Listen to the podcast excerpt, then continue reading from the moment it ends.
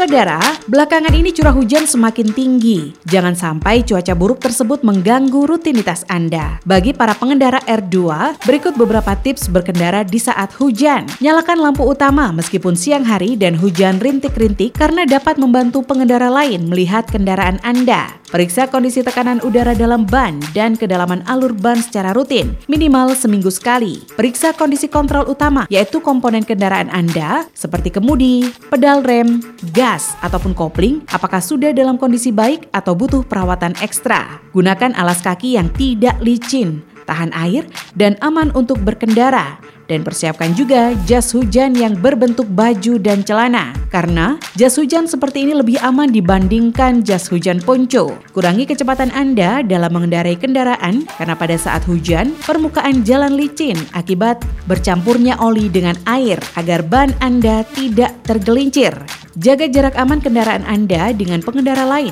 karena pada saat hujan, pengereman kendaraan membutuhkan jarak lebih jauh daripada kondisi kering. Jangan sembarangan menerobos genangan air, karena kita tidak tahu kedalamannya.